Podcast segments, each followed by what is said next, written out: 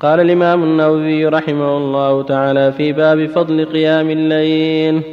وعن أبي هريرة رضي الله عنه قال قال رسول الله صلى الله عليه وسلم رحم الله رجلا قام من الليل فصلى وأيقظ امرأته فإن أبت نضح في وجهها الماء. رحم الله رحم الله امرأة قامت من الليل فصلت وأيقظت زوجها. فإن أبى نضحت في في وجهه الماء. رواه أبو داود بإسناد صحيح. وعنه وعن أبي سعيد الخدري رضي الله عنه عنهما قالا قال رسول الله صلى الله عليه وسلم إذا أيقظ الرجل إذا أيقظ الرجل أهله من الليل فصليا أو صلى ركعتين جميعا كتبا في الذاكرين والذاكرات. رواه أبو داود بإسناد صحيح. وعن عائشة رضي الله عنها أن النبي صلى الله عليه وسلم قال إذا نعس أحدكم في الصلاة فليرقد حتى يذهب عنه النوم فإن أحدكم إذا صلى وهو ناعس لعله يذهب يستغفر فيسب نفسه. متفق عليه. وعن أبي هريرة رضي الله عنه قال قال رسول الله صلى الله عليه وسلم إذا قام أحدكم من الليل فاستعجم القرآن على لسانه فلم يدر ما يقول فليستجع. رواه مسلم. بالله التوفيق. الحمد لله وصلى الله وسلم على رسول الله وعلى آله وأصحابه. أما بعد فهذه الأحاديث كلها تتعلق بقيام الليل.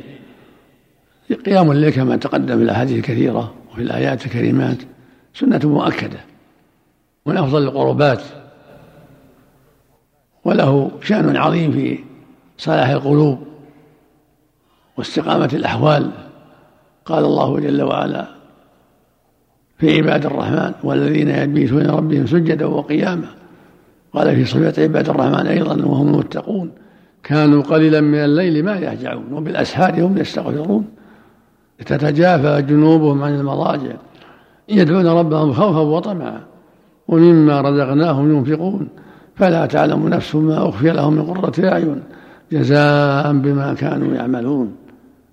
فالمؤمن يشرع له قيام الليل وهكذا المؤمنة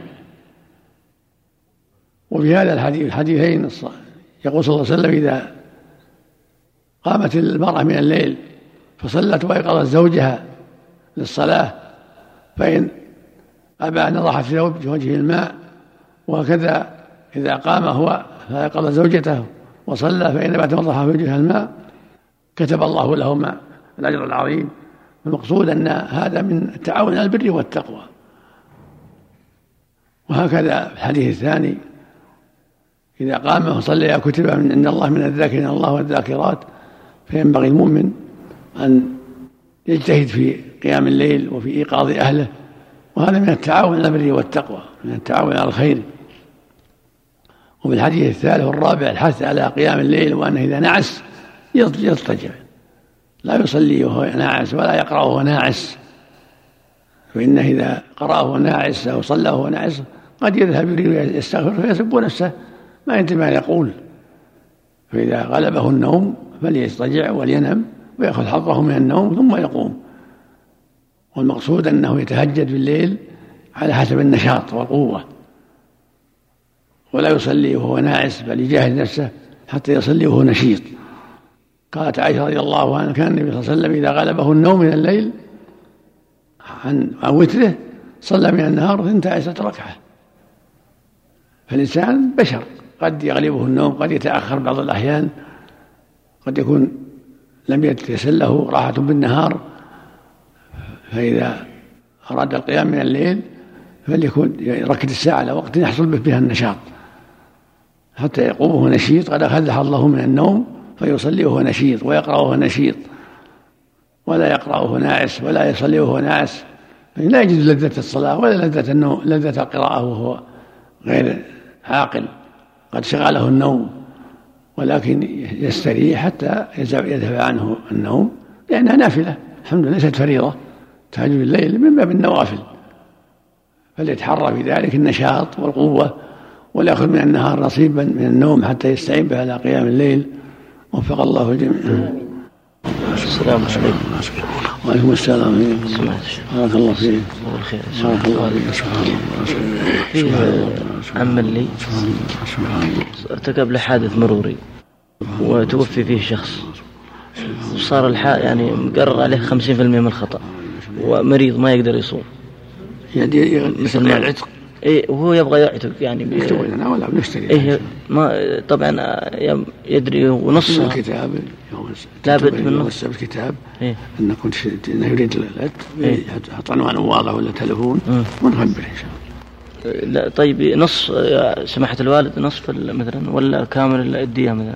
لا كان الفدية كان نصف ونصف عليه الخطأ نصف. نصف الدية نصف كفارة كاملة نصف ال- الكفارة الكما- كفارة كاملة. لا، كل. واحد عليه كفارة.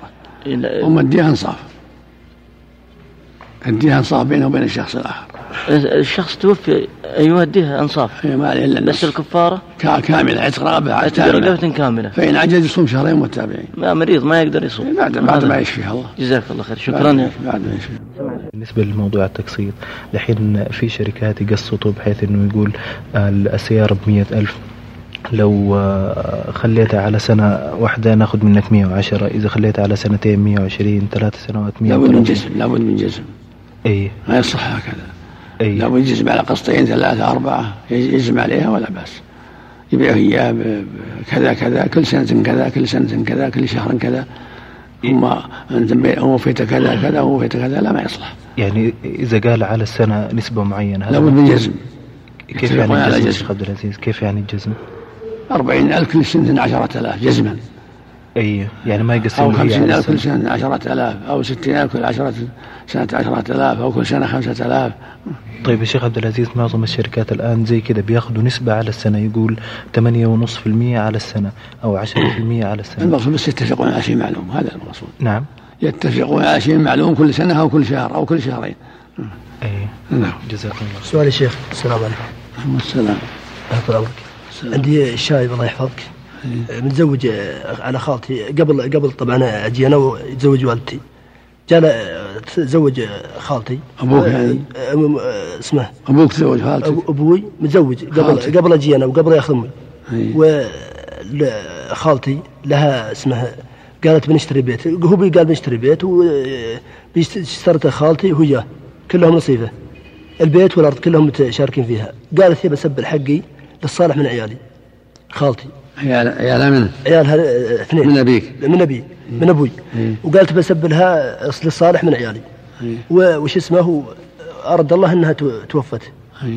و اسمها فيه شهود وما شهود على ان على أن سباله سباله وقف يعني. وتوفت خالتي.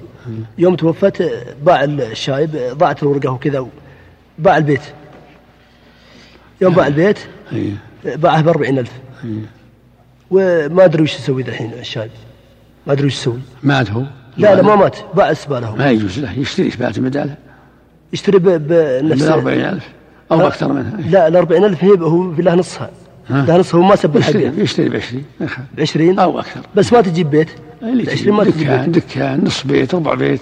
لو أرض عادية ولا مسجد ولا يجوز؟ لا لا. ربع بيت نص بيت يشترك مع أحد. لو يوسع بها المسلمين ما يجوز يا شيخ. لو يوسع بها على ما وص... على ما قالت هي. لا يغير. للبيت يعني. لا يغير شيء. إيه، جزاك الله خير.